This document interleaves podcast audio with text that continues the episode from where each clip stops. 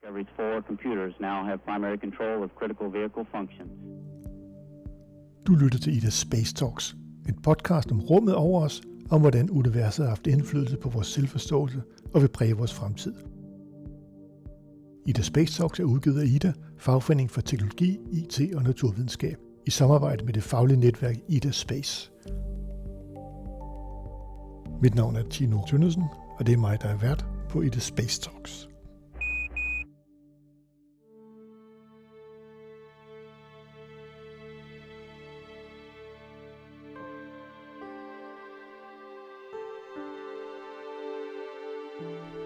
Når nu vi i den nærmeste fremtid skal rejse ud i rummet, vi skal rejse til månen, vi skal rejse til Mars, og måske længere væk, så har jeg tænkt på, hvordan navigerer man ude i rummet? Findes der Google Maps til vores øh, solsystem, eller hvad gør man? Og til det har jeg inviteret Christine Tolbo øh, i studiet. Du er astrofysiker. Velkommen til. Og du har lige øh, kommet hjem fra NASA, Ja, og du har lige øh, afsluttet din Ph.D. Ja. Vil du fortælle os lidt om det? ja altså øh, i Danmark er det sådan en regel, at man skal have et uh, External Research Day, hedder det, når man laver en PhD. Og så var jeg så heldig at have en mulighed for at komme over til JPL, som er Jet Propulsion Laboratory. Det er NASA-center, og de laver robotter. Det er jo NASA's robotcenter. Og der var jeg i fire måneder i slutningen af sidste år. Okay, NASA's robotcenter. Ja. Det lyder cool. Det er også cool. Og, og, men du er også tilknyttet øh, D2 Space. ja, min PhD er i Danmark og ved D2 Space, ja. Hvad var det, du skrev Ph.D. om? Jamen, altså, den har en lang titel, øh, som jeg ikke kan huske, hvad det er at sige. Øh, men øh, den korte og lette mundrette er øh, kameraer og problemer. Nej, men det, det i hvert fald handler om kameraer, og så handler det om fire forskellige case studies ja. i min PhD. Så den korte version af den første case study handler om månelandinger, og hvordan man kunne bruge ikke kameraer, men bruge en, bygge en landingsbane på månen, kunne man godt kalde det, en landingsplatform. Den anden projekt handler om, hvordan man kan lave formationsflyvnings øh. Så det er, hvordan man tester sit kamera i forhold til at flyve hen til objekter. Så det er sådan noget okay. med at lave kunstige billeder og vise den øh, kameraet forskellige input, som ikke findes endnu, men som man formoder, at den vil komme til at se. Det tredje projekt er stråling i kameraer, som er, at vi ved, at der er en masse stråling ude i rummet. Ja. Og det kan kameraer også se på den måde. Det får sådan nogle øh, sådan lidt sne, kan man godt kalde det, øh, hvide prikker på, Ja, ja, på billederne. Og det kan vi så bruge til at måle stråling. Øh, det er sådan en måde at bruge støjen i et kamera til noget brugbart. Den fjerde er at lave en 3D-model af en asteroide, som man har flået ud til øh, i 2012. Eller det er faktisk en, en dværgplanet og en asteroide, øh, som hedder Vesta og Ceres. Og så hvordan man bruger stereobilleder, det vil sige to billeder fra to forskellige perspektiver, Ja. til at øh, udtrække 3D-information om et objekt. Okay. rummet. Så det var, det var mere end tre sætninger, men det korteste, jeg kunne gøre det. Jamen, det er jo smukt. Og, og det meste af det handler selvfølgelig om at, at navigere, og det er jo det, som vi skal tale om i dag. Præcis. Hvorfor skal vi øh, udvikle navigationsløsninger til rummet, og hvordan gør man egentlig det? Jamen, altså, grunden til, at man skal gøre det, det er fordi, at uden navigation, så har man ikke en mission. Øh, der er to dele af det, kan man sige. Den ene er, man vil gerne hen der, hvor man gerne vil tage sine målinger. For eksempel til månen eller Mars, eller man vil gerne være i orbit om øh, kredsløb om jorden. Men øh, så når man så er der, hvor man gerne vil finde hen, så skal man også vide, hvad vej man er orienteret. Så der er både en transportnavigation, og så er der en sådan en, mens vi kører, navigation, hvor vi skal ligesom blive ved med at vide, hvor vi peger hen hele tiden. Altså køre for eksempel på, en over, på planetens overflade, eller på månens overflade? Ja, for man kunne sige, okay, kunne det så ikke slutte der, når vi så er kommet frem? Nu har vi landet den her rover på Mars og sådan Ja. noget, så er det så ikke fint nok, men så skal vi jo også navigere roveren. Og også øh, den letteste ting, som ikke er særlig let endda, men at være i kredsløb om jorden, hvor vi har rigtig mange, flere tusind satellitter, så skulle man måske tro, om, så lader vi dem bare være. Men det gør vi ikke i de fleste tilfælde i hvert fald, så styrer vi også de satellitter, og de skal hele tiden vide, hvad vej de peger især, og hvad vej de øh, rettede, og hvor de skal hen, og, og om deres øh, kredsløb stadig er, som det var før, for eksempel. Så satellitterne skal vide, hvor de er selvfølgelig. Ja, altså man kan sige, det, altså de, hmm, lad os sige, de fleste satellitter har øh, enten et kommunikationsformål, altså er sådan nogle internetsatellitter eller Starlink og sådan noget. De skal vide, at de peger ned på jorden. Det er sådan den letteste form for navigation. Men Ja. trods alt stadig have noget form for retning. Og hvis man så har nogle mere sofistikerede satellitter, især nogen, der skal tage målinger, for eksempel vil vi gerne vide, hvordan øh, isen smelter på Nordpolen, så nytter det ikke så meget, at vi har at vi tager en radarmåling af isen, og så næste gang vi kommer forbi samme sted, så tager vi en radarmåling af isen igen. Men den her gang er vi 4 meter ved siden af. Så ser det ud som om isen har flyttet sig 4 meter. Men det er i Ja. virkeligheden vores måling, der har flyttet sig. Så vi skal hele tiden være helt præcis på, hvor vi peger hen. Øhm, så hvis man tager det sådan øh, lidt mere teknisk, så kan man sige, øh, satellitter de har brug for at vide deres position og deres orientering. Okay. Og det er de to ting, man altid har brug for. Og man gør, altså, jeg kan jo godt forestille mig, når det er hen over jorden, at man har brug for det. Men når, når nu man skal til månen, hvad så? Eller hvis vi skal videre til Mars, hvad så? Ja, altså så, så skal vi både først øh, øh, op i den rigtige kredsløbsbane omkring jorden, før man tænder for motoren for at komme afsted i det, der hedder en translunar injection. Og det var den bane, som er ens øh, bane hen til månen. Mm. Man skal ligesom tænde for motoren på det rigtige tidspunkt, og så kan man nogenlunde mm, lade den være. Man skal lige korrigere nogle gange og sådan noget, men hvis man har regnet rigtigt, så, så burde man ramme der, hvor månen er om lidt. Ja. Man skal ramme der, hvor den er om fire dage, ikke? og med Mars, så skal man ramme der, hvor den er om syv måneder. Når man så kommer frem, så går man i kredsløb om månen eller Mars. Der skal man så igen blandt andet vide, at man hele tiden peger sin antenne tilbage mod jorden, for ellers så kan vi ikke snakke med Nej. den satellit, og be- bede den om at lande, for eksempel. Øhm, og når man så er i selve den sådan, kritiske fase, som er landingen i sig selv, så vil man gerne have en relativt høj, pru- på, øh, en, en relativt høj øh, præcision på sin landing. Og det vil sige, for eksempel på månen, hvis vi skal bygge en base i fremtiden, hvilket jo er planen, Jo. at så vil vi gerne have forsyninger, og vi vil gerne have biler og baser. Hvis vi lander dem med 4 km afstand, så nytter det ikke så meget, at vores mad er over i en container 4 km væk. Nej, det vil være ærgerligt. Ja, fordi vi kan ikke bevæge os nødvendigvis 4 km, på, hvis, hvis der ikke er fladt i hvert fald. Og på Mars så er det faktisk sådan, at, øhm, at vores usikkerhed i vores landing er flere kilometer stor. Altså, vi kan lande de her rover, men vi bliver nødt til at vælge et stort område, Jo. som er ret fladt, fordi ellers så falder vi måske ned i et krater. Så vi er hele tiden interesseret i forskningsmæssigt at øge præcisionen på, hvor vi er og hvad vej vi vender i alle aspekter af rumfart.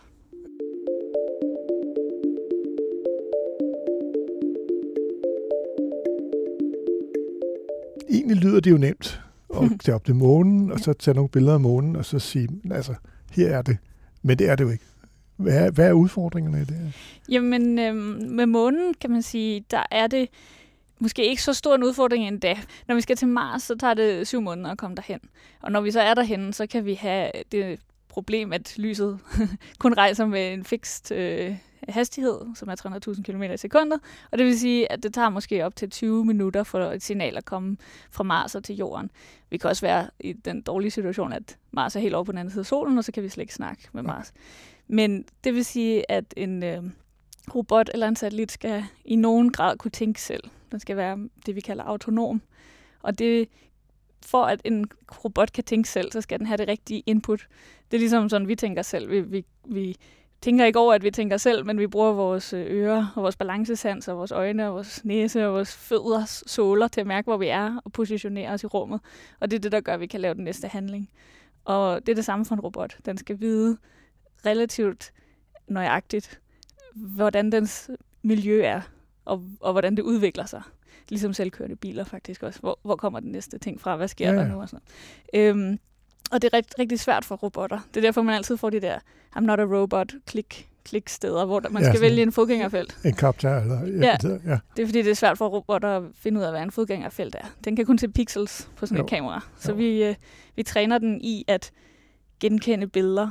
Øh, I mit tilfælde, fordi det er det, der hedder optisk navigation. Altså, vi laver kameraer, kan man sige. Jo. Men der er også radar, og der er også andre ting, man kan bruge til, til navigation. Og det er tit en kombination af alle de her forskellige former for sensorer, øh, som faktisk kopierer menneskets sensor øh, rel- relativt meget. Altså øje er et kamera, så har man ører, balancenerven er det, der hedder en IMU, som er sådan en accelerometer gyroskop ting, der Ja. kan måle, hvad vej man er orienteret. Øhm, og de ting kan vi så kombinere til at få computeren til i højere grad i hvert fald, at kunne forstå sine omgivelser og dermed træffe beslutninger, fordi vi ikke kan styre den med et joystick fra jorden. ja, fordi der er, der er 20 minutters forsinkelse, så, Ja, til Mars, skal ja. man godt nok køre langsomt i hvert fald. Ja. Ja, men det gør man også. Man styrer den faktisk med et joystick, men man giver den, når den er landet, lad os sige sådan. Ja. Men man giver den nogle kommandoer på forhånd. Og en Mars rover kører faktisk cirka på samme hastighed som en snegl i gennemsnit. Okay. Det, det, det, det er rigtigt nok. Øhm, men så spurgte du jo faktisk oprindeligt om månen jo. Jo. Men det, det er jo så, fordi der er så kun et sekunds forsinkelse. Men et sekund kan faktisk også være nok til, at det går galt. Så robotten skal kunne korrigere selv, især hvis der ikke er mennesker med. Men udover det, så laver vi også, så kan man sige, på Mars, der har vi en kilometers eller flere kilometers usikkerhed. På månen, der vil vi så gerne ned på 50-100 meters Øh, nøjagtighed i landingerne. Og det gør så, at selvom at det er lettere, så skal robotten så være det er meget bedre. Så, så det er lige så svært. Øhm, og det er fordi, vi gerne vil lande samme sted, så vi kan bygge større ting, så vi kan lave noget mere permanent øh, på månen.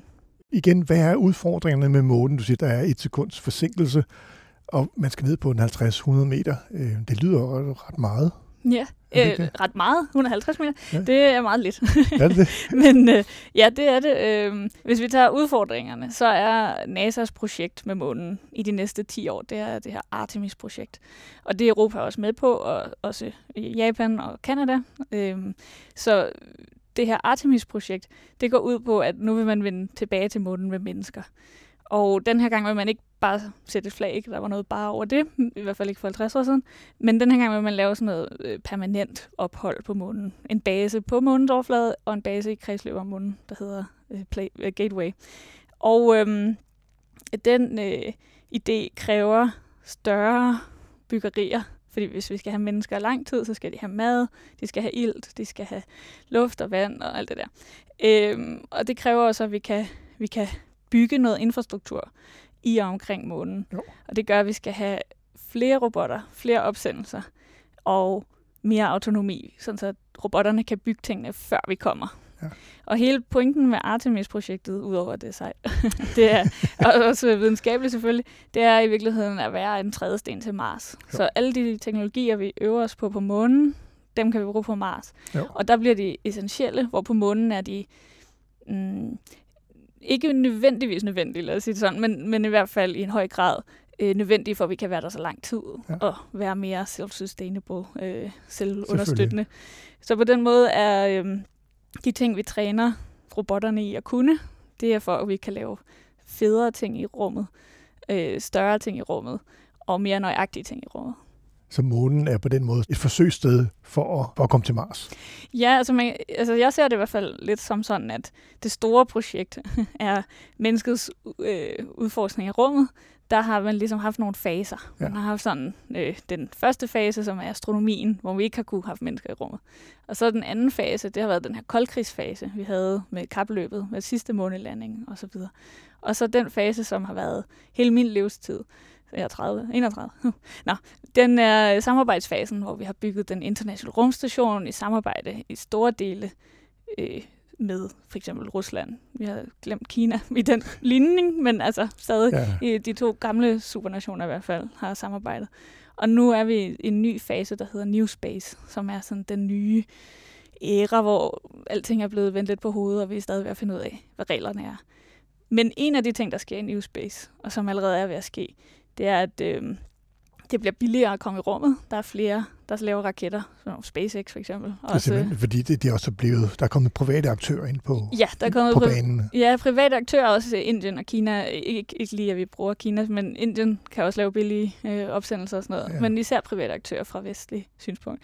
Og øh, det gør, at det, som vi før har kaldt low, eller det kalder vi det stadig, low Earth orbit, som er LEO, øh, lav jordbane, at det går over til at blive kommercielt. Så der kommer kommercielle rumstationer, der kommer Starlink, som er jeg ved ikke, 40.000 satellitter, så Ja, vi kan få internet alle steder hen og sådan noget. Og det vil så sige, at det frigør de penge, som de almindelige øh, rumagenturer tidligere har postet i den infrastruktur, som der skulle til for at have for eksempel rumstationen og GPS og sådan noget, den bliver nu flyttet til månen som det næste skridt. Og når der så er en infrastruktur der, og de kommercielle kommer derhen, så går det nok videre til Mars. Okay, selvfølgelig. Ja, det vil være et naturligt trin, selvfølgelig. Ja. Ja. Og alle de her private aktører, hvor, som du selv siger, SpaceX er jo, er jo den nok, vi, vi kender bedst. De arbejder vel også med øh, navigation i en eller anden art. Ja, ja, altså alle skal have navigation. Øh, altså man kan sige, den, den aller simpleste satellit, som bare skal vide nogenlunde, hvad vej den peger, den kan bruge noget, der hedder en solsensor, så den kan lede efter solen på himlen. Og så kan den sige, "Nå, okay, solen er der, så vender jeg den her vej. Øhm, de fleste satellitter bruger en kombination, men næsten alle satellitter har det, der hedder stjernekameraer, og det er dem, Mhm. som vi laver på DTU i min afdeling. Øh, stjernekamera, det er et øh, navigationssystem, som man kan bruge til at finde ud af, hvad vej man vender. Så man kan ikke vide, hvor man er. Så der er position og orientering. Og det, den gør, det er, at det er et almindeligt kamera i gåsøjne. Det er lidt fancy ja. kamera. det har taget lang tid at udvikle, det er meget dyrt. Men øh, hvis man forestiller sig et kamera, så er det sådan derhen af. Det tager billeder af nattehimlen. Der er altid nat, fordi det peger ud væk fra solen, ellers så bliver det blændet. Og øh, det tager billeder af stjernerne. Og så matcher det de billeder, det har taget af stjernerne, med et kort over stjernehimlen, som det har i sin øh, computerhjerne. Og ud fra det match, så kan den så finde ud af, okay, stjernehimlen står sådan her på nuværende tidspunkt. Eller, den står altid stille faktisk, i forhold, det er også andre, der bevæger os. Så vi vender den her vej. Og det kan man gøre så med en øh, hårds præcision, altså hårds bredde præcision, okay. Vide, hvad man vender. Så man kan bruge stjernekamera, der er bedre og dyrere, eller stjernekamera, der er dårligere, men billigere, og ja, ja. så afhængig af, hvad man skal, ikke? Og du siger, at, at kameraet der kigger ud på stjernerne, og så sammenligner den med andre, med andre billeder af stjerner. Ja. De andre billeder, hvor kommer de fra? Er det nogle andre satellitter, der har taget, eller er det nogle, vi har taget jorden? Eller? Det er faktisk øh, et stjernekatalog, så det er en, en anden satellit, som, eller flere andre satellitter, der findes flere stjernekataloger, øh, som er en satellit, der har været ude og mappe stjernehimlen. Så det både bliver brugt til astronomi, sådan til at finde ud af, hvor man gerne vil kigge hen, når man planlægger en astronomimission. Så jeg gerne kigge mellem det her stjernebillede der og der. Jo. Men det bliver også brugt af stjernekameraerne. Øh, så det er taget af andre satellitter, som har meget minutiøst målt alle stjernerne. Det lyder som en uendelig mængde data, det her. Selvfølgelig er det ikke i hele universet, der er taget fotos af, men, men bare til en tur til Mars. Ja, Øh, jamen, altså man kan sige, det er øh, hele vejen rundt om os. Man kan forestille sig en indersiden af den celestiske sfære. Det er også svært at sige uden at spytte. Øhm, den celestiske sfære, den er ligesom relativt permanent. Så kan man sige, ja, hvis man skulle se alle stjernerne, øh, selv de aller, aller svageste, så, vil, så bliver det rigtig, rigtig, rigtig meget data, for så kan man jo se universets begyndelse, hvis man vil. Men, men vi behøver ikke alle stjernerne. Så de der, de, øh, hvad hedder det, de der kataloger, de er relativt store, men en computer kan sagtens have en tabel med flere hundredtusind datapunkter. Man skal bare vide, hvor de er, og hvor meget de lyser. Og så skal man tage et billede og finde ud af, hvor de er, hvor meget de lyser, og så matche. Det, altså okay, det lyder som om det er lidt. Men øh, det er der nogen, der har fundet ud af, at man kunne, og det øh, virker rigtig godt. Så det er en slags fixstjerner? Ja, nej, men alle stjernerne er, er fix, fordi de er så langt væk fra os. Ja, okay. så, det, så det er os, der bevæger os. Og vi bevæger os jo rundt om os selv, men det ved vi. Og satellitterne bevæger os alligevel også rundt omkring jorden, for eksempel, eller på vejen. Så ja, ja. i forhold til, hvor kort der er til Mars, selvom det er syv måneder, det er lang tid, så flytter stjernerne altså ikke så meget. Nej, det gør det vel ikke. Det er bare os, der synes, at der er voldsomt langt derude. Ja, men stjernerne er jo milliard, millioner og milliarder af lysår væk. Ja, ja. Så de, de står ja. sådan relativt stille. Nok til, at det i hvert fald er noget, vi kan arbejde med.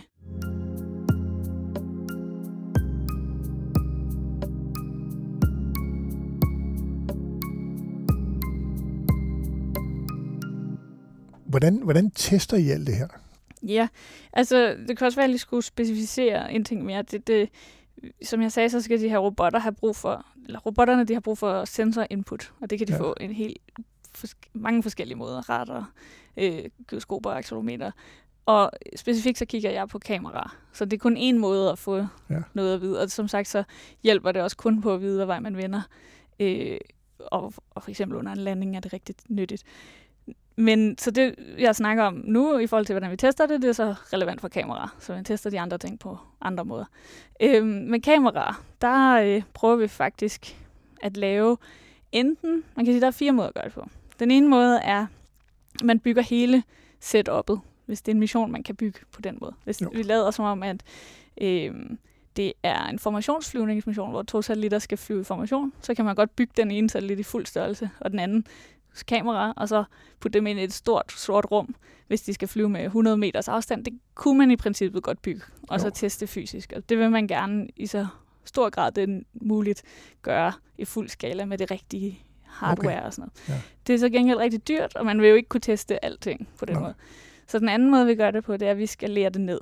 Så vi bygger en miniatyr måne, eller en miniatyr overflade af en måne, øh, eller en miniatyr satellit, og så skalerer vi ligesom afstanden til den satellit, sådan så det er ligesom hvis den var 100 meter væk, eller 1 kilometer, eller hvor meget det nu end er. Det øh, gør vi for eksempel i kælderen på DTU, der har vi sådan et laboratorie. Det har man også hos ESA. Det ser ret sejt ud. Så øh, satellitterne flyver hen over Ja. en overflade. Så vi har en robotarm faktisk, der gør det for os. Fordi hvis vi bare stod med hånden, så ville det nok blive lille smule upræcis. øhm, så vi har en robotarm, der er sådan en øh, helt almindelig, har lyst til at kalde det, øh, manufacturer-robot, der kan Ja, ja. ja.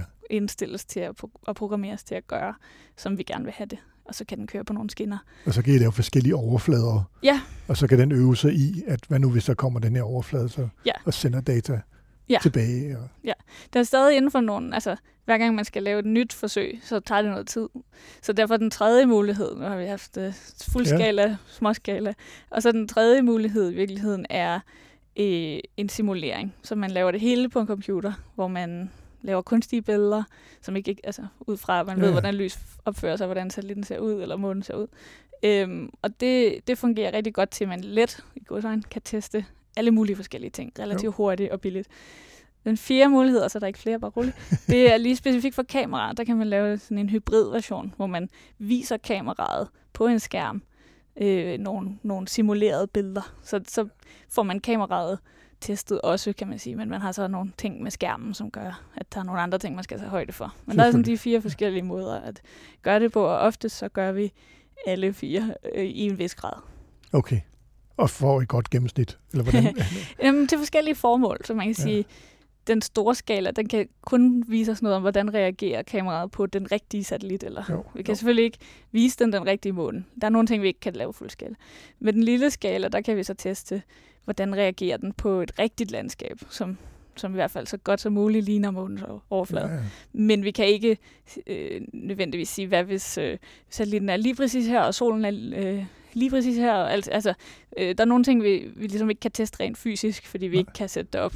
Øh, vi kan heller ikke have afstanden, der er kæmpe, kæmpe store, for eksempel. Og der bliver vi nødt til at bruge simuleringsværktøjerne. Så, så der er ligesom forskellige Ja. steder i missioner og forskellige slags missioner, som vi tester på forskellige måder.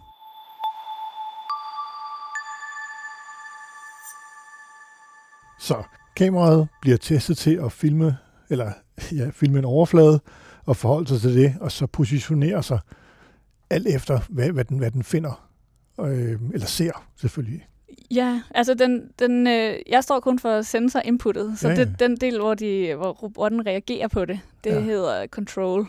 Og det, det er i virkeligheden øh, også, altså, også noget, vi gør, men ikke lige mig specifikt. Og, øh, og det, det er ligesom, hvordan skal den så reagere på de signaler, den får. Jeg, Jo. jeg tester mest bare, eller ikke bare, men jeg tester øh, og prøver at finde på nye måder at teste. Øh, hvad for nogle mærkelige input kan vi give den, som er realistiske, som måske kan få den ud af kurs. Og så er der nogle andre, der skal rette op for det. men, men det er rigtigt nok. Altså, det er jo sådan en closed loop, hvor Jo. at, øh, robotten sender noget og reagerer på det. Ja. Men øh, jeg giver den bare inputtet. Det vil være for eksempel, hvis, hvis, den, hvis, den, øh, hvis det er oppe på månen eller på Mars, og der Ja. lige pludselig ligger noget uventet. Det er et stort krater, eller hvis, Ja. der, er, hvis der er et stort bjerg, eller Ja. hvad der nu er, Ja.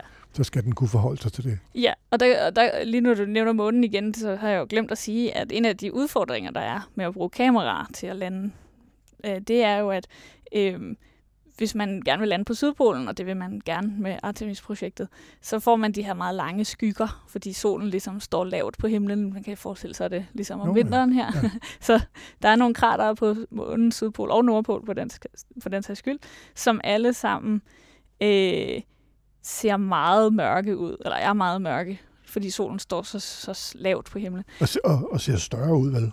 Ja, eller, ja det kan, og de kan også, man kender godt de der optiske illusioner, hvor man har en pyramide, som man først når man vender sig og går til den anden side, kan man se, at det faktisk er en kejle. Eller Ja, ja. Sådan, altså, altså, den ting har kameraer også, fordi vi, vi har svært ved det, og vi er ret gode til det. Øhm, så, så der er både den med, sådan, er det et bjerg eller er det et hul? Øh, det, lige med månen har man overflademappet ret godt. Der har været mange satellitter, der har taget billeder, så det ved man godt på månen, men Ja, ja, det gør man ikke nødvendigvis på en asteroide. Nej. Øh, og så har vi de her lange skygger, som jo er i virkeligheden, hvis man forestiller sig et kort, hvor der er, hvis man har spillet Age of Empires eller sådan noget, sådan et mørkt kort. Man ved ikke, hvad der er der. Medmindre man har taget billeder der før, hvor solen står anderledes, eller man har en radar med, som kan lave radarbølger ned. Øh, men hvis man ikke har det, så kan man ikke vide, hvordan der ser ud lige der, når man kommer. Nej, det kan man ikke. Nej. Månen har vi jo efterhånden ret flotte og gode øh, billeder af. Men Mars har vi jo ikke nok viden om overfladen endnu. Altså, vi har faktisk øh, fra Mars øh, relativt højopløsningsbilleder, men det man gør normalt er, at man ved godt i god tid, at man vil sende en lander afsted. Ja. Og så beder man de satellitter om at tage flere billeder af et bestemt sted, som er et kandidatområde, kan man kalde det til landing. Så der har man okay høje opløsningsbilleder også. Øhm, der er bare stadig det, at det er svært at lande på Mars. Altså, hvis, hvis vi har tid, kan jeg lige forklare, hvorfor det er svært at lande på Mars og månen. Christine, hvorfor er det svært at lande på Mars? ja, men det er fordi, at øh, øh, Mars er faktisk det værste af det værste, fordi på månen, der har vi øh, ingen atmosfære, eller næsten, næsten ingen atmosfære, øh, vakuum faktisk. Og det vil sige, at vi skal bruge raketter til at lande med. Vi kan ikke folde en faldskærm ud og lande på den måde. Vi kan heller ikke bruge et varmeskjold, eller vi skal ikke bruge et varmeskjold. Så vi skal komme ned med retro-raketter, som det hedder. Så det er en powered landing, kalder man det. Og det, det vil der, sige, at, at, at når raketten lander, så så, det er den gamle øh, Tintin-landing. Ja. Raketten går ned, og så har, har den, øh, med det, øh, Ild i, i numsen. Ja. det er også, hvis man forestiller sig SpaceX's omvendte landinger. Ja, Men ja. ja så, så det er den samme øh, ting der. Men på Mars, der har vi en meget, meget, meget tynd atmosfære. CO2-atmosfære primært. Og det gør, at vi har lige nok atmosfære til, at vi har brug for, at der er et varmeskjold, for ellers bliver det for varmt. Det gør også, at vi godt kan bruge faldskærm, men ikke nok til, at vi kan tænke farten nok med faldskærm. Så på Mars så har vi problemet, at vi både skal bruge varmeskjold, faldskærm og retroraketter. Okay. Øh, og den måde, man har landet Perseverance på, for eksempel den sidste rover, det er jo sådan en sekvens af ting, der skal gå rigtigt, uden at man kan styre det, fordi der er forsinkelse. Så en, en øh, rover her skal komme ind i sådan en kapsel med et varmeskjold forrest. Så ind igennem Mars' tynde atmosfære, blive bremset lidt af varmeskjoldet, så skal det have en faldskærm ud, mens det så falder ned, for det falder stadig, selvom der er en faldskærm, så øh, kobler varmeskjoldet sig af, når det er blevet koldt nok. Og under kapslen, der sidder der så roveren, som så bliver fyret ned på okay. ja. et, nogle kabler, tre kabler. Og den øverste del, som faldskærmen sidder fast på, den er så en sky crane, kalder man det. Og den har de her raketter på siden. Så det er sådan en flyvende raketbil, øh, har jeg lyst til at kalde det, ja. som så firer en anden bil ned. Og når bilen, roveren, står på overfladen, så kapper kablerne, og kranen flyver væk. Ja. Og det, at det kan lade sig gøre er sindssygt, det er den ene ting.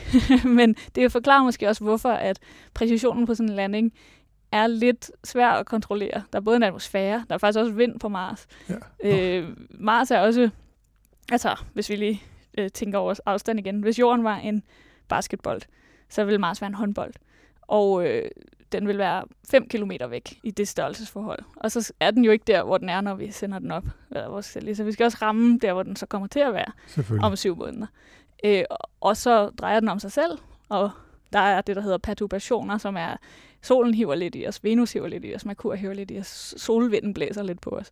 Det hele bevæger sig samtidig. Og så når vi så er kommet frem, så vil vi gerne lande inden for 100 meter okay. til den tid. Det kan vi ikke lige nu, det er stadig en kilometer eller sådan noget en ellipse med en sandsynlighed. Så vi, vi regner med mest sandsynlighed for at lande i midten, men trods alt lidt usikkerhed på den. Øhm, så det er faktisk ret svært at lande præcis.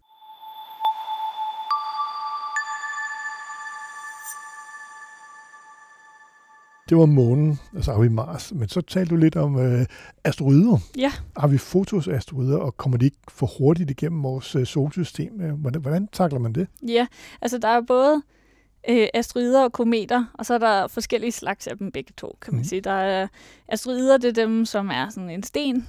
Øh, ja, en sten uden så meget. Ja, det er meget generelt sagt, der kan godt være sådan en gråzone, men en komet er en snibbold med støv. Så det er sådan den generelle forskel. Asteroider er store kæmpe sten, øh, kan være flere kilometer i diameter. Det var sådan en, der dræbte øh, dinosaurerne. Øhm, og så ligger de nogle bestemte steder, sådan primært der er sådan et asteroidebælte mellem Mars og Jupiter, og så er der også et asteroidebælte ude ved Pluto. Og så kometerne, de kan sådan set også komme endnu længere ud fra. De kan være interstellare på den måde, eller interplanetariske. De kommer slet ikke fra vores solsystem. Ja. Og de kan også have været forbi solen før, ligesom Hallis komet, hvor man ved, den kommer igen. Eller de kan være helt nye, og de ser forskellige ud afhængig af, øh, hvad det er for nogen. Så nogen kender vi rigtig godt, Øh, også asteroider, vi har besøgt nogle med missioner, og andre kender vi overhovedet ikke, som den der hed, jeg kan ikke huske, hvad den hed, Umumara eller sådan noget. Det var en lang cigar. Ja, ja. Det, var, det, var, Ja. det, var, det var den, jeg tænkte på, som jeg ikke tog udtale. Nå ja, ja. men cirka noget den dur. Ja. Og den, øh, altså den var jo så ikke fra vores solsystem, og den var også mærkeligt formet, og alt var mærkeligt. Jo, jo. Øhm, så der kan man sige, hvis vi fløj ud til sådan en, altså givet at vi havde øh, tid til at nå den, så ville vi overhovedet ikke vide, hvordan den så ud, før vi kom relativt tæt på. Øh, vi kan observere dem fra jorden, men de er relativt langt væk, og især sådan en komet for eksempel, er jo indhyllet i en støvsky. jo, jo. Så vi kan kun se halen, eller vi kan se den flotte hale, men hvordan selve nukleusen, altså kernen af kometen for eksempel, ser ud, øh, kan vi ikke. Og asteroider, de kan også være steder, hvor vi ikke kan se dem, enten fordi de er små, eller fordi solen blænder os, Jo. øh, eller de er, vi har bare ikke opdaget dem. Det kan også være. Øh, altså vi holder øje med de store, men hvis de er relativt små. Så hvis man skal flyve ud til dem, så, øh, så skal man teste sin kamera på en hav af forskellige aspekter. Så man ved godt nogenlunde, hvad for, hvad for nogle rammer har vi at lege med. Så det kan være helt over i den her boldgade, eller det kan være helt over i den der boldgade. Og så skal vi teste alt imellem det, øh, med nogle kvalificerede gæt på, hvad det, gæt på, hvad det nok er. Ikke? Øhm, og øh, en asteroide i, i sådan kameranavigationsoptik, kan man kalde det, der kalder man det et ikke samarbejdsvenligt objekt, eller non-cooperative okay. target. Ja. Og det er månens overflade også, og Mars' overflade også. Alle ting, der ikke selv hjælper dig med at sige, jeg er her, jeg er her. Ja. En flyver er et kooperativt target.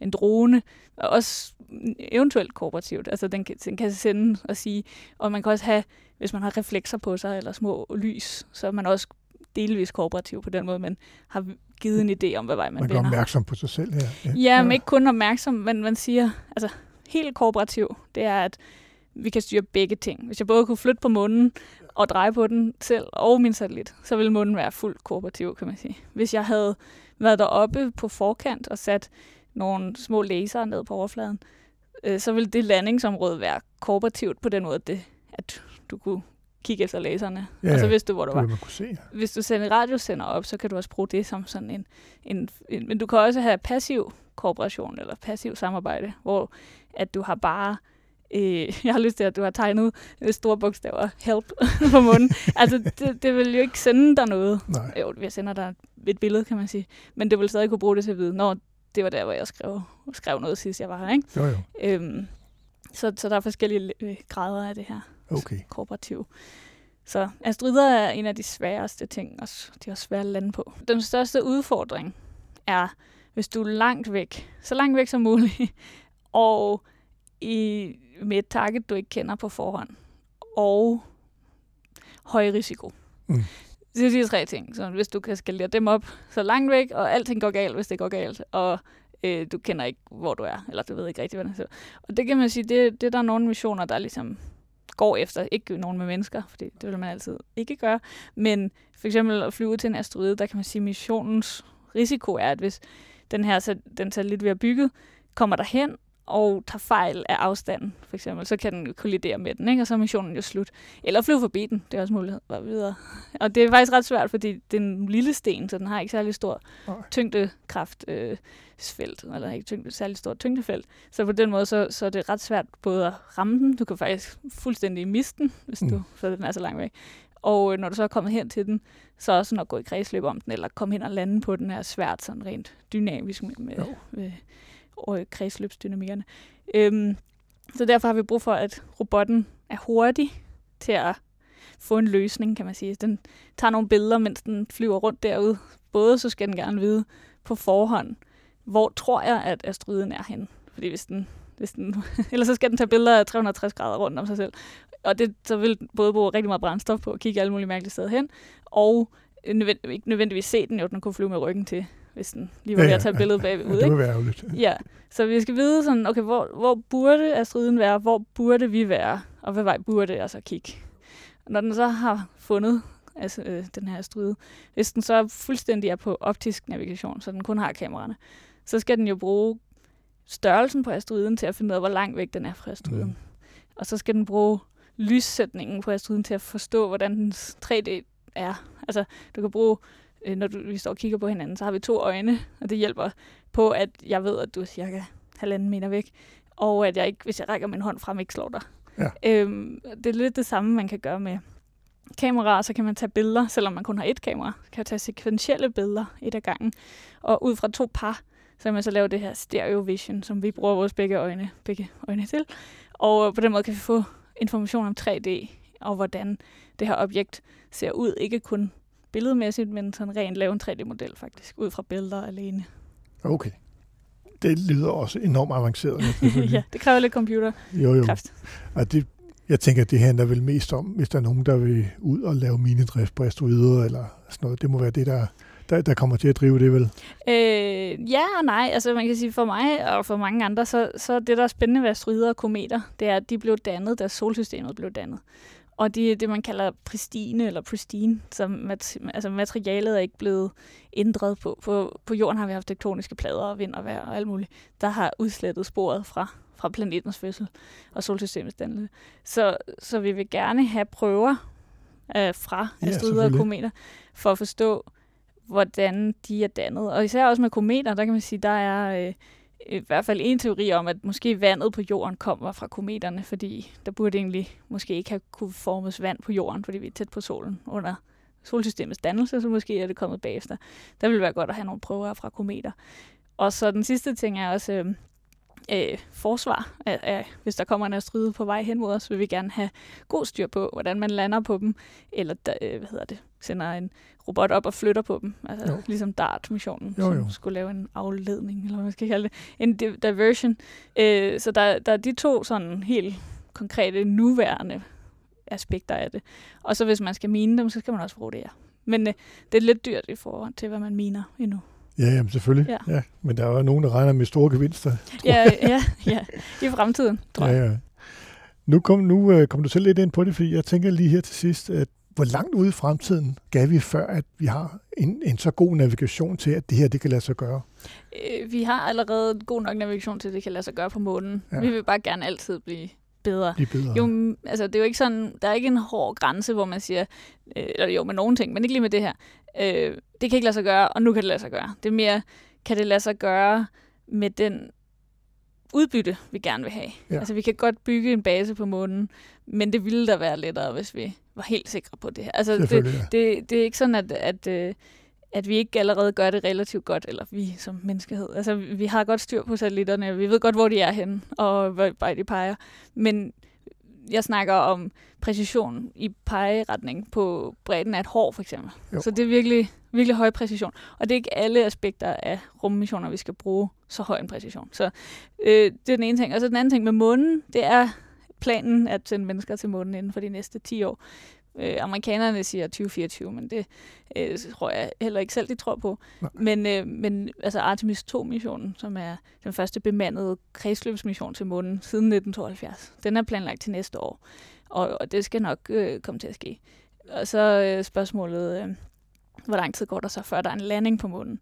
Så, så det er ikke sådan, der er ikke så meget en specifik dato. Det er et spørgsmål om, at vi er ved at udbygge og forbedre både infrastruktur og kapabiliteterne til at kunne lave federe ting, end vi allerede laver. Mere præcise og længere væk og nye mål. Og, ja. Ja. og hvor langt er de andre? Øh, kineserne. kineserne især. altså, de er, gør det godt. De er jo på øh, månen, har de et projekt, der hedder Chang'e. Jeg kan ikke ja. sige kinesisk, så change, men det er et apostrof over i så ja. Chang'e. Øhm, og der er otte missioner planlagt, robotiske missioner, og de gør lidt det, som USA også gjorde oprindeligt, så han tager et skridt ad gangen. Så starter med en kredsløbsmission, to kredsløbsmissioner, lander så på månen, og de er kommet til fem eller seks, jeg kan ikke lige huske det, men øh, hvad hedder Chang 5 var den første landing på bagsiden af månen ja. nogensinde, selvom øh, de andre har 50 års forspring. Og det kræver blandt andet, at man kan hvad hedder det, snakke med nogle satellitter, for man kan ikke snakke igennem munden, når man er på bagsiden af munden. Så, så, øh, så de kan sagtens finde ud af at lande robotter, i hvert fald på munden, og de har også planer om på længere sigt at sende mennesker til månen. Ja. Øhm, med efter Chang'e 8, tror jeg nok det er, de har de her robotiske missioner. Først vil de lave sample return, som er, at man tager noget prøver med tilbage fra månen, uden mennesker, men robotter. Og når de er færdige med det, så er de ligesom klar til, til næste skridt, kan man sige. Øhm, så de er, ja. udviklet teknologisk lige så, så langt. Det er også jo private, der skal til at lande på månen og sådan noget. Så, så det er ikke så svært at lande på månen, selvom det gik nu galt for Israel. Men øh, Barry Sheet i 2019 landede ikke ordentligt og sådan noget. Så det er, ikke, altså, det er ikke let, men det er noget, som alle står lige på kanten til let at kunne gøre. Så spørgsmålet er bare, hvor store ting kan man lande? Hvor præcis kan man lande dem? Og ja. hvor sikkert? Selvfølgelig. Ja. Og, og når vi har fået styr på det med månen, så, er, så kommer Mars meget tættere på lige pludselig. Ja, i hvert fald... Ja. Øh, altså, vi har stadig det der problem, jeg nævnte før med, at det, det er sværere, endnu sværere på Mars. Ja, ja. ja. Jeg, ikke, hvis du husker basketbolden og den der håndbold 5 km væk, så månen er en tennisbold i størrelseforhold, men den ligger kun 7 meter væk. Så der er altså øh, fire dage til månen og syv måneder til Mars, og alting bliver, altså øh, hvis ikke eksponentielt, noget stejlere end eksponentielt, sværere på Mars, fordi at det er så langt væk. Det er spændende. øhm, Christina, jeg ved, at, at, at øh, du, du lige afledt en phd som jeg taler om. Hvad, hvad er det næste for dig? Jamen, nu er jeg ansat som øh, postdoc. Det er så også okay. efter PhD, kan man sige, hvis ja, det skal ja. oversættes til dansk. Og det er øh, i den samme øh, afdeling på DTU, så jeg arbejder stadig med kameraer øh, og kigger blandt andet på og altså øh, flyve ud til nogle kometer og asteroider. Øh, og jeg kigger også på noget, som er lidt relateret, men ikke helt, som er strålingsindflydelse på kameraer, kan man sige. Okay. Så det, det er ikke sådan lige det, vi har snakket om, men, men der kan jo også være ting, der nogle andre ting, man kan bruge kamera til, for eksempel. I høj grad. Ja. Det kan være, at det bliver en ny episode ja, i Space ja. Talk. Super, og tusind tak, fordi du kom forbi. Det var så lidt. Det var fornøjeligt. Du har lyttet til Ida Space Talks, som udkommer hver 14. dag. Du kan også følge os på Facebook i gruppen Ida Space, og her kan du også deltage i debatten om alt inden for rumfart.